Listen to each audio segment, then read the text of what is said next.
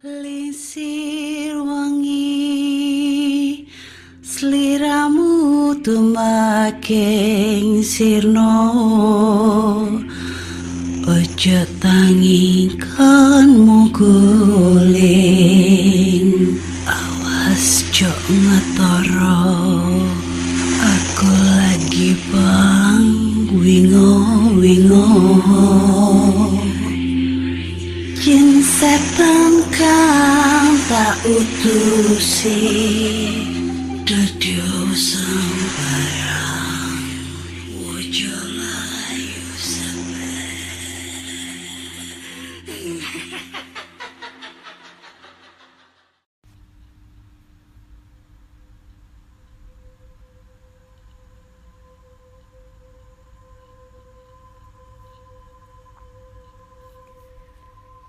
Assalamualaikum warahmatullahi wabarakatuh. Selamat datang di podcast kisah horor.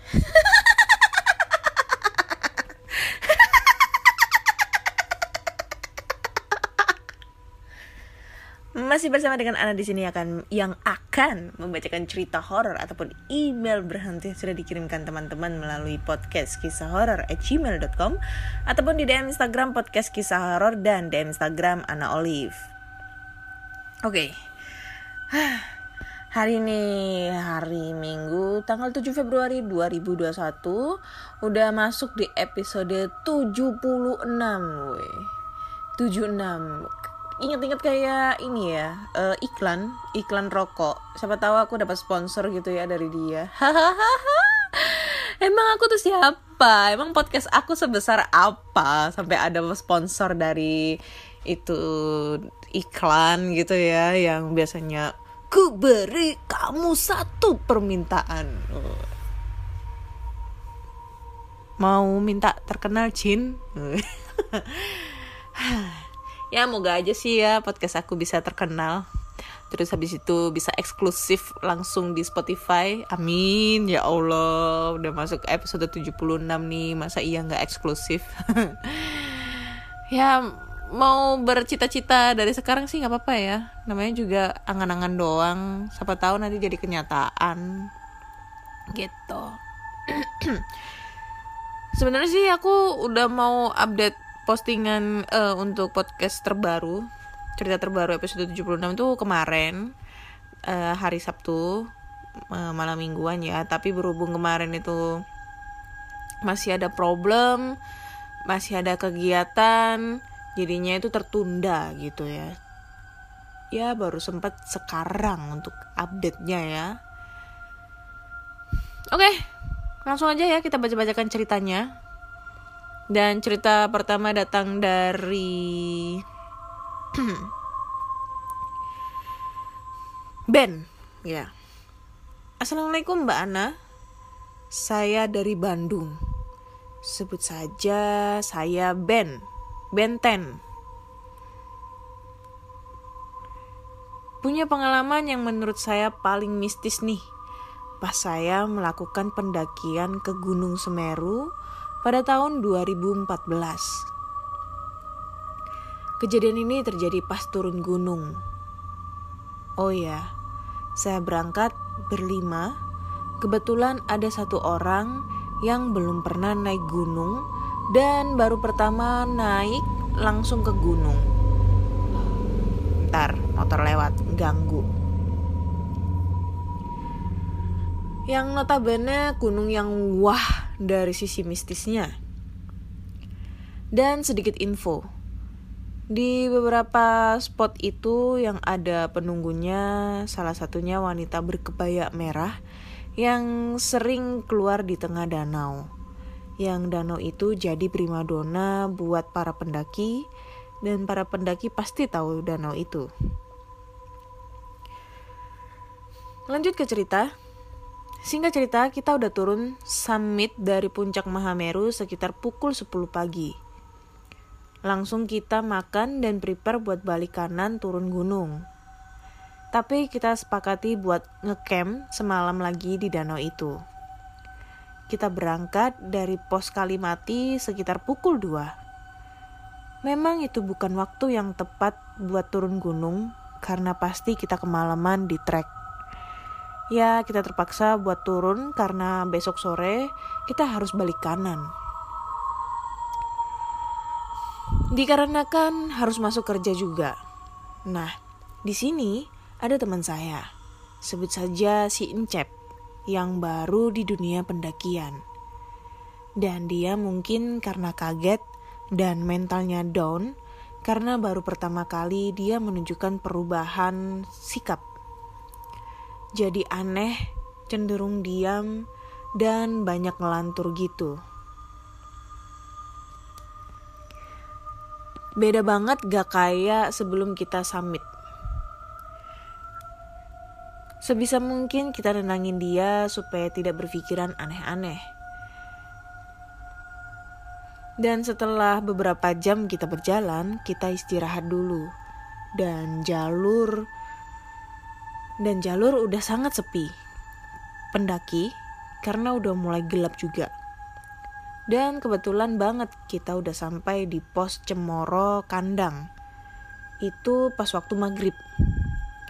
Dan si Encep mulai menunjukkan keanehan-keanehan.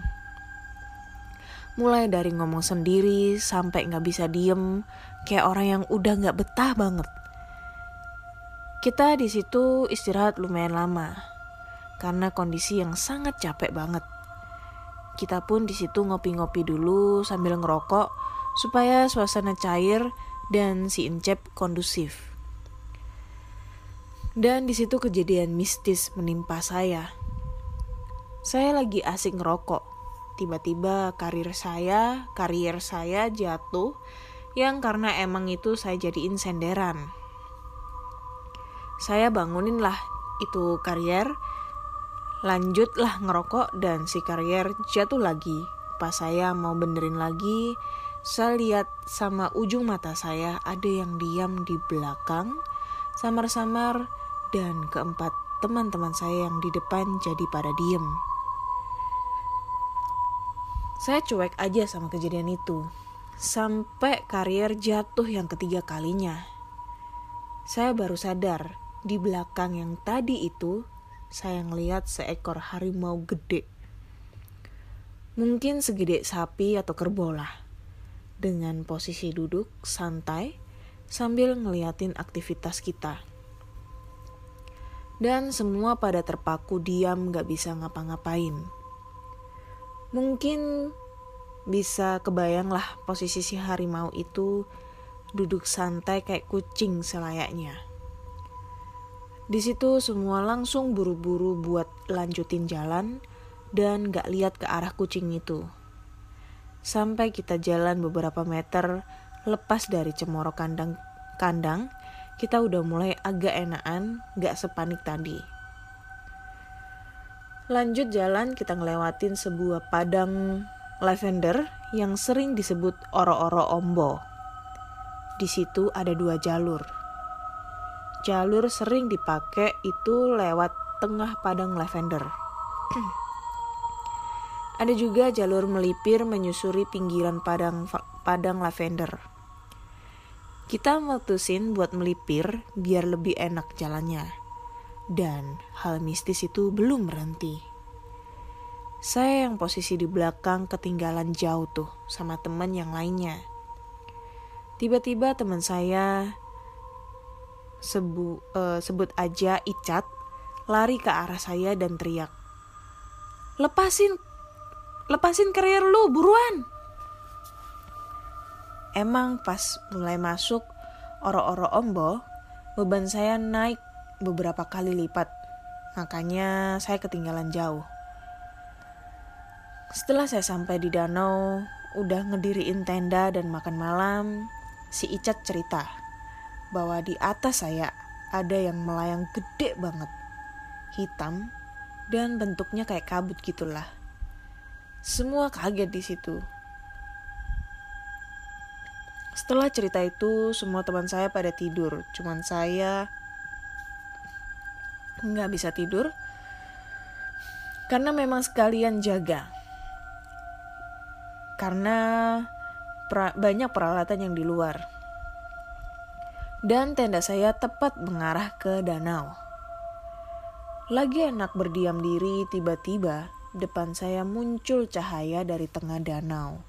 Warna merah agak mencolok sampai saya terpaku gak bisa ngapa-ngapain. Sumpah, di situ saya gak percaya apa ini mimpi atau beneran. Padahal di sekeliling masih banyak orang yang nongkrong di depan tendanya dan itu masih pukul 10 malam. Ya kategorinya nggak malam-malam banget sih. Soalnya masih riuh orang ngobrol, ketawa-ketawa, dan itu bener, cahaya merah muncul terus sampai lumayan tinggi sampai harus mendongakkan ke kepala mendongakkan kepala. Detik itu juga saya masuk tenda dan ngelamun sambil menggigil ketakutan. Keesokan harinya saya nggak ngomong ke teman saya karena takut si Encep tambah Parno. Saya skip buat cerita kejadian itu. Sampai kita semua balik ke rumah masing-masing, barulah saya cerita semua. Dan katanya menurut mitos yang saya baca sehari sebelum pendakian, emang ada makhluk itu di danau tersebut. Selesai. Maaf ya mbak, ceritanya sangat panjang dan belibet. Pembelajaran juga buat teman-teman yang lainnya, bahwa naik gunung itu bukan perkara mudah dan harus punya mental dan skill yang mumpuni. Jangan memaksakan dan mengendalikan alat, skill, dan mental seadanya. Oh ya mbak, masih ada cerita lagi nih kejadiannya pas saya pendidikan dasar pecinta alam waktu SMA. Lain waktu, dah saya cerita lagi. Sukses selalu buat Mbak Ana. Terima kasih. Wassalamualaikum warahmatullahi wabarakatuh. Waalaikumsalam warahmatullahi wabarakatuh. Thank you banget Ben buat ceritanya. Emang ya uh, cerita tentang gunung itu nggak ada habisnya. Nggak bakal apa ya nggak ada habisnya dan pasti banyak banget cerita-cerita mistis yang ada di sana. Dan ini Gunung Semeru cuy yang sekarang Gunung Semeru itu lagi uh, erupsi ya kemarin sempat meletus walaupun tidak begitu besar seperti kayak di Gunung Merapi tapi sangat berdampak buat uh, warga sekitar di sana yang khususnya uh, daerah Lumajang sana ya. Apalagi banyak banget penambang-penambang pasir di sana. Ya semoga aja uh, bencana ini cepat berakhir. Apalagi sekarang ketambahan lagi ada banjir yang sangat besar di daerah kota Semarang yang lumayan berdampak apa ya berdampak banyak banget buat warga di sana. Apalagi di Jombang juga khususnya di Jombang yang arah ke Nganjuk sana itu kemarin juga ada banjir yang membuat sekitar 6 desa, 6 sampai 7 desa itu terendam banjir. Ya semoga aja kejadian ini cepat berakhir, cepat pulih, semoga tidak ada bencana-bencana lagi dan semoga warga-warga yang terkena bencana itu dapat ditabahkan ya. Amin amin ya rabbal alamin. Bener banget ya. Kalau misalnya kita ngedaki gunung itu jangan sampai walaupun mungkin apa namanya oh badanku ini aku tuh kuat banget ngedaki gunung apa segala macem.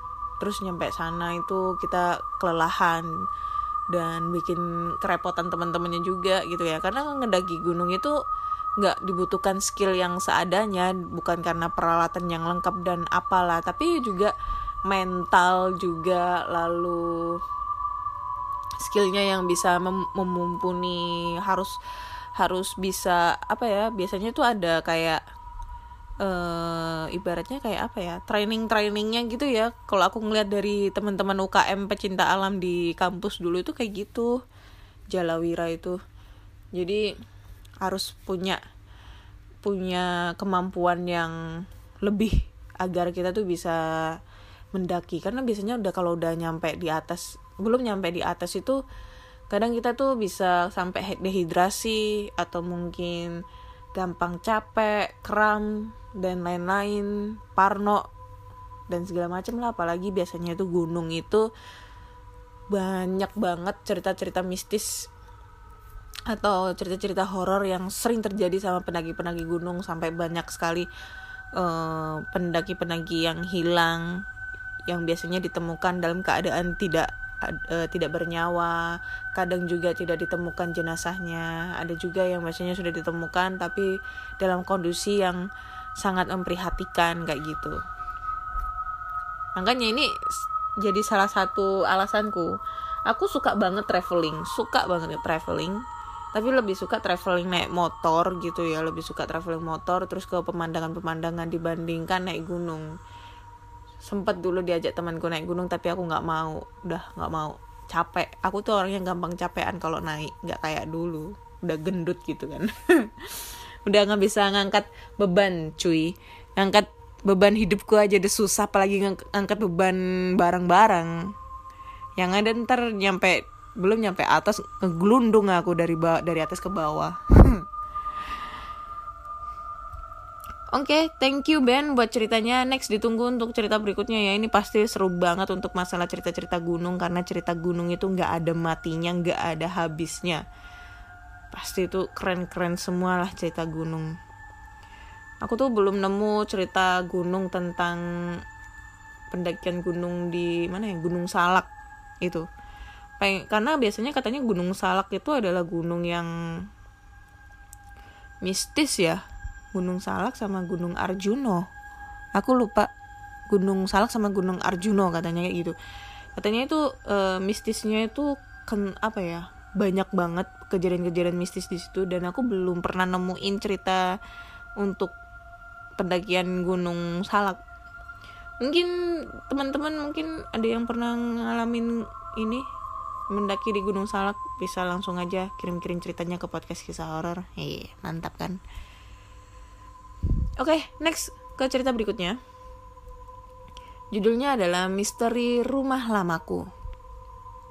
Dulu, waktu aku masih SD, aku tinggal di kota Pacitan. Tapi sekarang aku udah tinggal di kota Jember karena aku ikut ortuku yang pindah rumah. Untuk mempersingkat waktu, langsung saja menuju cerita. Di rumah lamaku, ada beberapa misteri yang sulit diterima akal sehat Misteri yang pertama, jika kita sendirian malam-malam di rumahku pasti, eh, jika sendirian malam-malam di rumahku, pasti rasanya kayak ada orang lain yang sedang mengintai kita.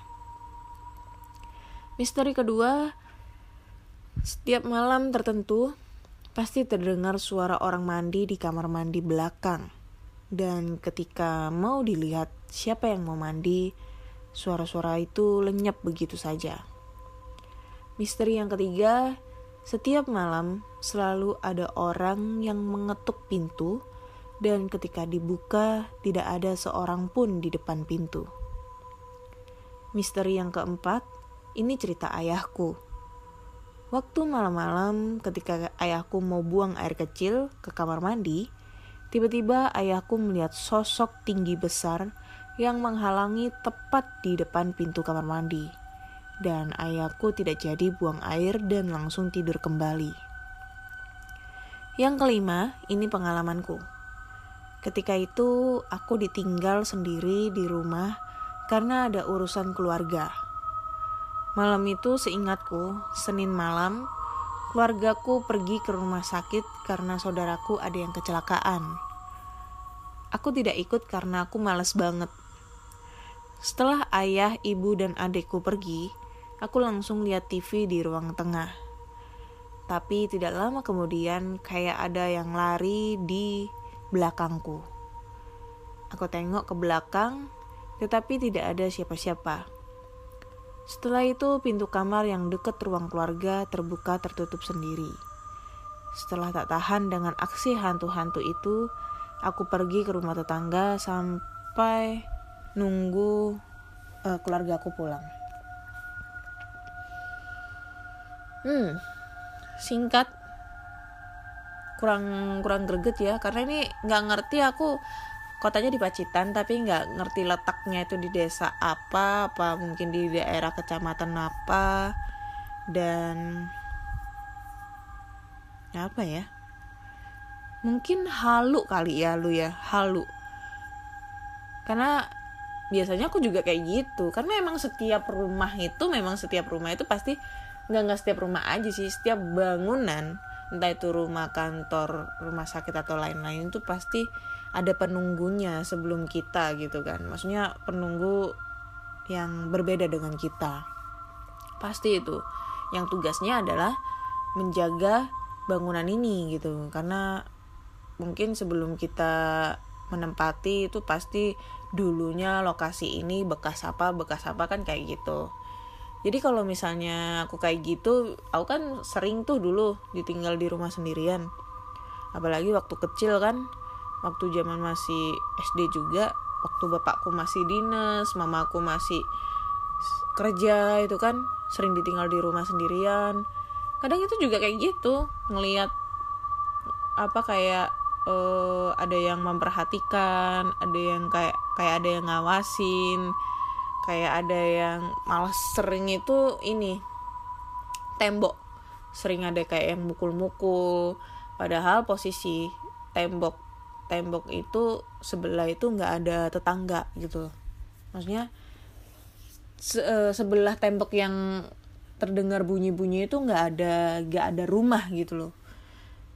Dan sisi kanan sisi kirinya itu dulu itu masih apa ya nggak mungkin lah tengah tengah malam itu tetangga itu ngetok-ngetok tembok juga kan nggak penting banget gitu loh mau maku apaan gitu loh. Dan sampai sekarang waktu aku pindah di rumah yang sekarang karena yang rumah lama itu ditempatin sama kakak aku di rumah yang sekarang itu masih masih sering sih kayak gitu. Bahkan yang aku ceritain kemarin yang masih aku ngepodcast di episode pertengahan-pertengahan itu banyak banget gangguan-gangguan makhluk astral yang ada di rumah aku termasuk suara ketawa yang udah pernah aku kirim di feed Instagram podcast kisah horror itu ke kejadian real banget. Real nggak pernah aku uh, apa ya gimmick-gimmickin setting-setting atau kayak gimana pun.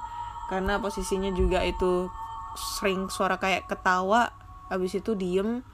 Dan itu merindingnya sih beda sih kalau aku. Merindingnya paling seketika merinding habis itu udah tapi sekarang alhamdulillah udah nggak ada gangguan-gangguan lagi ya. Udah nggak tahu ke mana sekarang setannya. Udah pergi. Males di rumahku. Kayak gitu. Jadi menurutku sih hal yang wajar sih kalau itu. Gangguannya juga gak begitu ekstrim juga. Karena menurutku ya mungkin tugasnya cuma ngasih tahu kalau hey aku tuh lagi uh, aku ini ada loh di sini kayak gitu. Ibaratnya dia tuh cuma pengen kenalan aja gitu. Nggak terlalu mengganggu yang ekstrim banget kecuali kayak cerita yang sebelumnya yang dulu itu per yang episode berapa ya? Yang dia cerita sampai uh, lupa aku yang ada yang ceritanya yang sampai uh, ganggu banget sampai tetangga-tetangga diganggu orang yang lewat diganggu itu. Episode berapa aku lupa. Uh, itu udah ekstrim banget itu. Itu oke okay, next ke cerita berikutnya. Cerita berikutnya berjudul misteri warung setan. Oh, warung setan. Ada nih di sini mie setan. Banyak nih setan. Oke lanjut ya. Ceritanya waktu itu salah satu temen Ica namanya Derry cewek pas itu sakit rahang mulut Derry minta ditemenin Ica dan salah satu teman cowok Aan namanya untuk ke daerah Heger mana Heger mana itu mana ya nyari tukang pijet yang bisa urut sakitnya itu. Namanya Pak Puih. Sekitar jam 5 sore mereka bertiga jalan ke sana karena katanya nggak terlalu jauh. Karena belum tahu tempatnya, ada warung pertama yang mereka temuin. Tanyalah di warung itu yang ada beberapa orang lagi pada nongkrong di situ juga. Pak, mau nanya, ke rumah Pak Pui arahnya ke mana ya? Tanya Ica. Salah satu bapak nanya balik. Kalian naik motor? Ica jawab. Jalan kaki.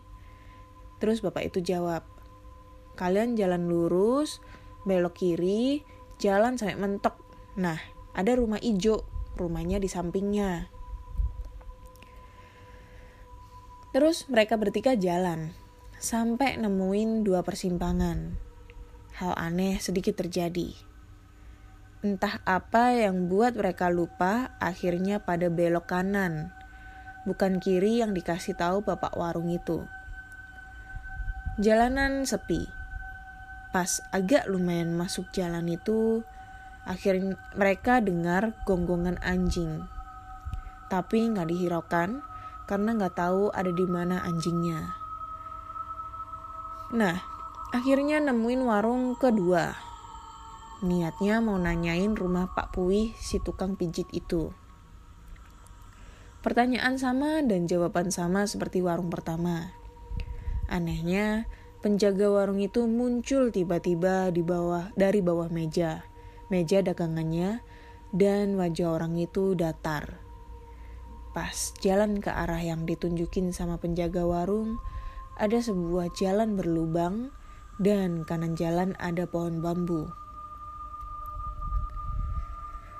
Setelah jalan agak menjauh dari warung itu, tiba-tiba ada motor dari belakang kasih klakson. Hilang pas di tempat gelap. Tapi mereka tetap jalan-jalan, belum nemu juga rumah hijau itu. Dari situ sampai warung keenam, kebetulan Ica ngitung warungnya. Jawaban tiap penjaga warung sama, seperti warung pertama. Kalau yang mukanya datar dimulai dari warung kedua. Nah, jawab yang berbeda ada di warung ketujuh. Kira-kira jawabannya gini. Kalian lurus, nanti ada jalanan gelap.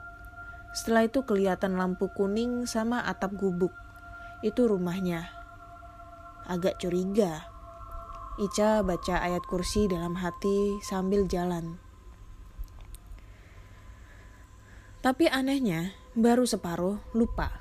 Gitu terus dan sebelum sampai ke jalan gelap itu, kali ini tiba-tiba mobil udah ada di belakang mereka sambil kasih klakson juga. Terus hilang di telan jalan gelap. Mereka jalan udah selangkah di jalan gelap itu. Kebetulan mereka jalan sejajar dan pada merinding. Dan makin merinding di saat bersamaan, tiba-tiba ada suara bebek kira-kira lima ekor. Mereka berhenti nyari bebeknya, tapi nggak ada. Pas langkah kedua, suara bebek itu makin banyak.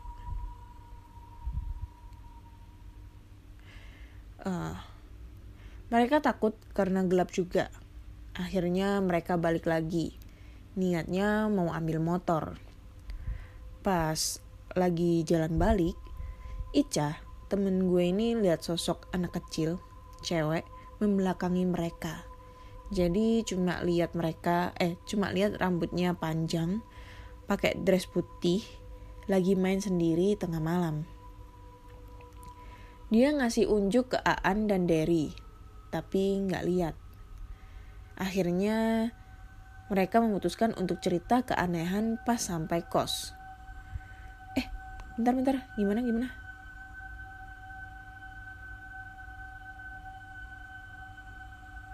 Oh ya.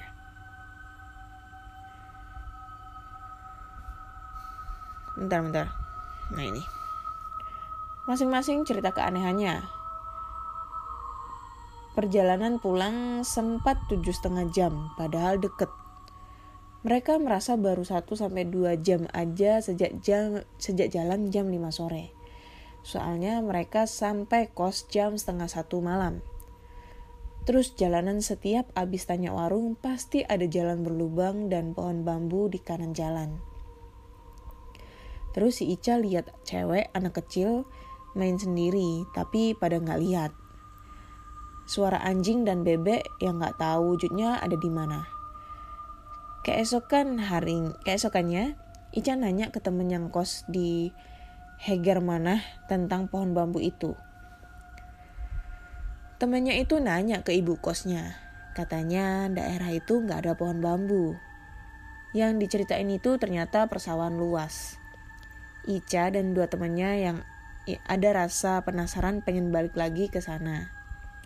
Tapi nggak boleh sama abangnya Derry. Soalnya dia telepon abangnya yang agak ngerti dunia lain. Setelah dia sembuh, diurut sama tukang pijit lain. Dia ceritain ke abangnya kejadian malam itu. Malah abangnya bilang kalau nerusin jalan gelap itu mereka bakal nggak bisa pulang selamanya. Nah, 15 setelah itu, eh 15 hari setelah itu Aan sakit DBD yang nggak wajar selama sebulan. Setelah Aan sembuh, Ica sakit lumpuh, gak bisa jalan 6 bulan. Kayaknya suara anjing, bebek, klakson motor, dan mobil itu pada ngingetin supaya mereka gak terus terusin sepanjang jalan aneh itu. Gitu ceritanya. Huh, lumayan serem juga ya. Tapi ya ngapain juga ya malam-malam ke tukang pijit gitu kenapa nggak ke tukang pijitnya waktu siang atau pagi gitu kan terus disasarin sampai warung ketujuh dan efek dari uh, mereka jalan ke sana uh, yang si temen siapa tuh tadi? Si Derry eh si Aan sakit DBD yang nggak wajar terus selama sebulan lama juga ya DBD sebulan yang nggak wajar karena biasanya DBD udah nyampe tujuh hari itu udah bahaya banget. Apalagi si Ica lumpuh nggak bisa jalan sampai enam bulan itu kalau misalnya nggak di kalau misalnya nggak ada pertanda dari mobil klakson mobil ataupun mungkin uh, suara anjing ataupun bebek itu pasti anu dia katanya sih mereka nggak bakalan balik ke dunia nyata kayak gitu ya. Atau bisa dibilang mereka masuk ke dunia lain.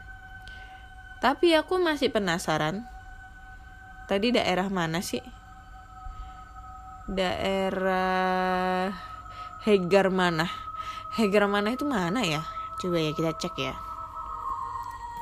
Hegar mana? Oh. Oh, Hegar mana itu daerah Cikancung, Bandung. Cikancung, Bandung. Bandung, daerah deket Garut katanya kayak gitu. Dan katanya desa ini uh,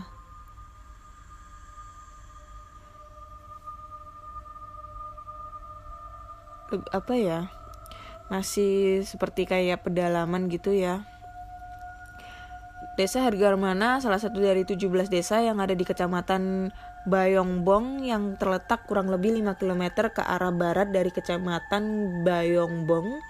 Desa Hargarmana mempunyai wilayah luas 250 hektar persegi dengan jumlah penduduk kurang lebih 4.453 jiwa itu yang dekat dengan sebelah utara itu Gunung Cikuray sebelah timur itu desa si Sirna Sinargali Sirnagali de, eh, sebelah selatan itu desa Salakurai sebelah barat desa Sukarame gitu. Oke. Okay ada ya aku kira ini nggak ada gitu namanya desa Hegar mana karena rasanya kayak aneh gitu ya. Apa ya maksudnya namanya itu kayak aneh banget Hegar mana. Kayak nama-nama desa yang ada di barat-barat gitu maksudnya di luar negeri kayak gitu kan tapi ini serem banget sih ya. Serem banget dan nggak bisa ngebayangin. Lagian juga malam-malam ngapain juga ke tukang ngurut gitu kan bisa pagi gitu. Gitu deh. Udah berapa menit ini? 33 menit. Oke lah kita lanjut cerita satu lagi ya. Cerita satu lagi. Oke ini judulnya adalah mitos nenek Sakiyah Assalamualaikum. Ketemu lagi denganku Bismi dari Aceh. Oke kak, aku mau cerita nih. Beberapa bulan yang lalu ya sekitar bulan Januari aku singgah di rumah sepupuku di Aceh Timur. Saya menjenguk bibiku yang sakit. Aku juga ikut membantu pamanku mengurusi toko bukunya. Nah, di tempat bibi dan pamanku tinggal, pernah ada mitos kalau misal ada seorang gadis yang duduk di rumah dengan sendirian, maka dia akan didatangi oleh nenek Sakiyah dan pernah ku dengar lagi nenek Sakiyah ini sangat suka dengan para gadis, apalagi yang masih perawan. Sore itu hujan gerimis mulai turun. Aku bersama Bibi di rumah Sedangkan paman dan Diva sepupuku sudah duluan pergi ke toko buku. Lantas Bibi menghampiriku seraya berkata, Bis, Bibi keluar sebentar ya. Begitulah katanya. Lah, jangan Bi, kan Bibi masih sakit, jawabku. Gak apa-apa, sebentar aja ya. Gak lama kok, begitulah katanya. Akhirnya dengan perasaan yang khawatir karena kondisi kondisi Bibi yang lumayan belum sembuh itu, aku mengizinkannya untuk keluar. Pada saat Bibi pergi, aku mulai teringat tentang cerita nenek Sakia yang dikatakan teman di kampung pamanku itu. Apalagi diriku yang masih 18 tahun ini membuatku agak ketakutan sendirian di rumah. Aku lantas ke kamar mengambil handphone dan membuka WhatsApp dari grup alumni SMA 2019. Biasalah, yang dibahas pasti adakan buk bukber pada puasa nanti, padahal ini baru saja bulan Januari. Tiba-tiba, dari kejauhan aku melihat seorang nenek sedang melayang di bawah pohon sawo matang. Aku mendekati tepi jendela agar dapat melihat jelas penampakan yang kulihat itu. Tapi, anehnya, nenek yang jauh itu seakan-akan ikut mendekat ke arahku di tepi jendela ini. Aku mundur, nafasku agak terasa sesak. Ditambah, gerimis membuatku semakin takut. Memang kampung pamanku ini lumayan angker, kata orang-orang desa tetangga.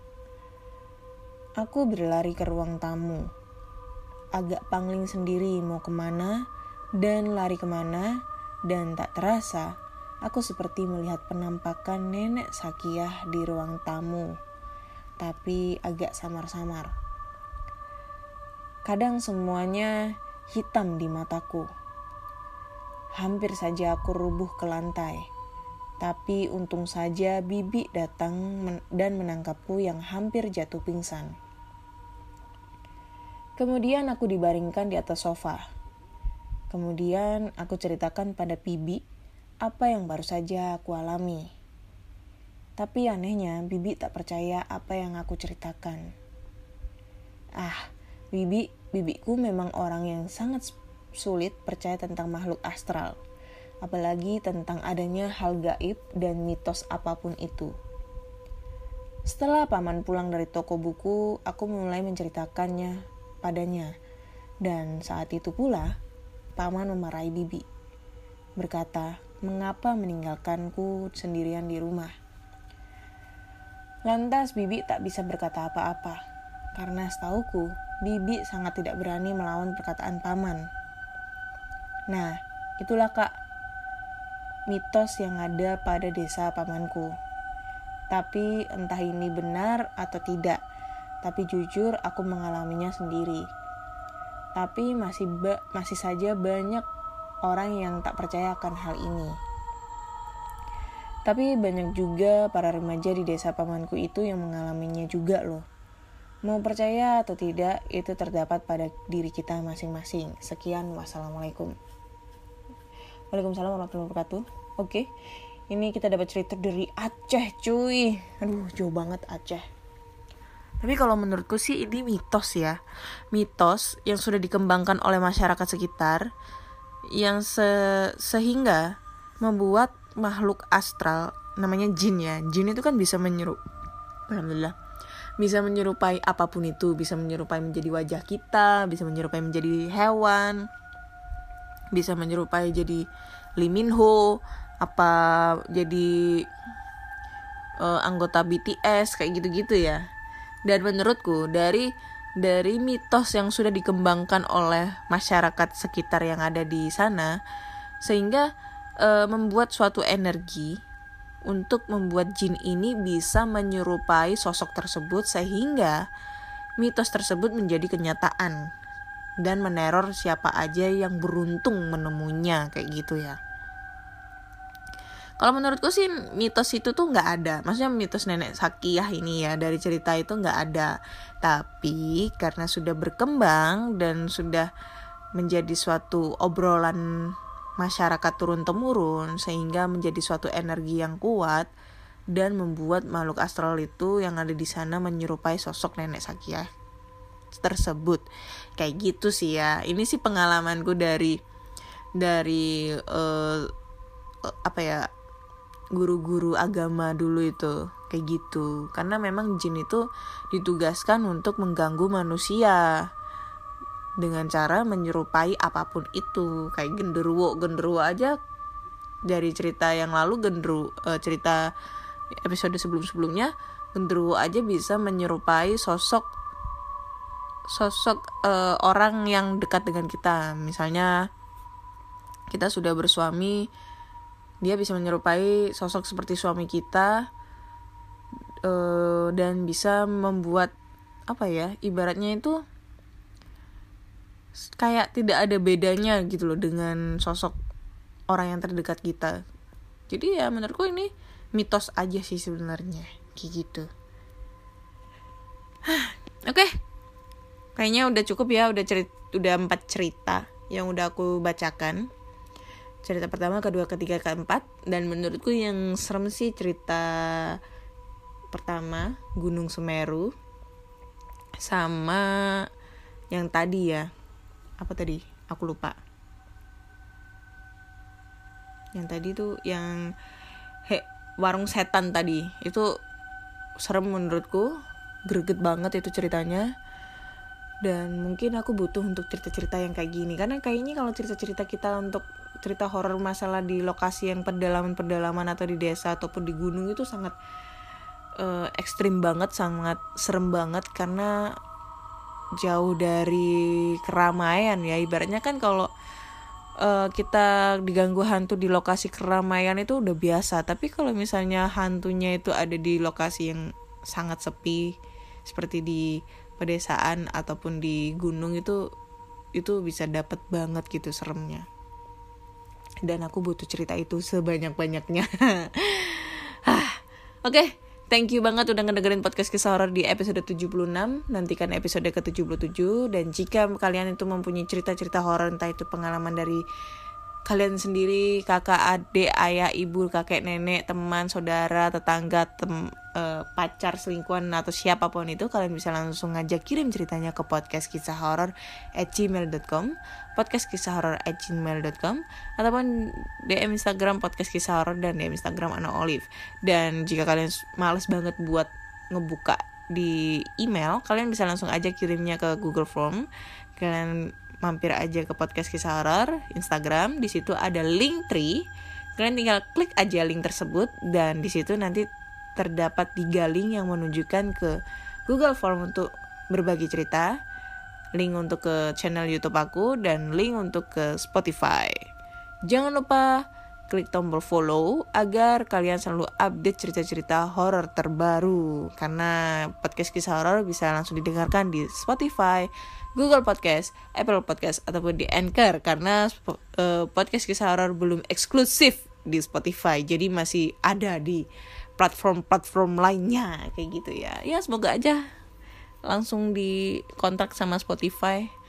Aduh alhamdulillah banget lah kalau dikontrak. Kayak gitu dan terima kasih udah mendengarkan podcast kisah horor di episode 76 nantikan podcast kisah horor di episode 77 dadah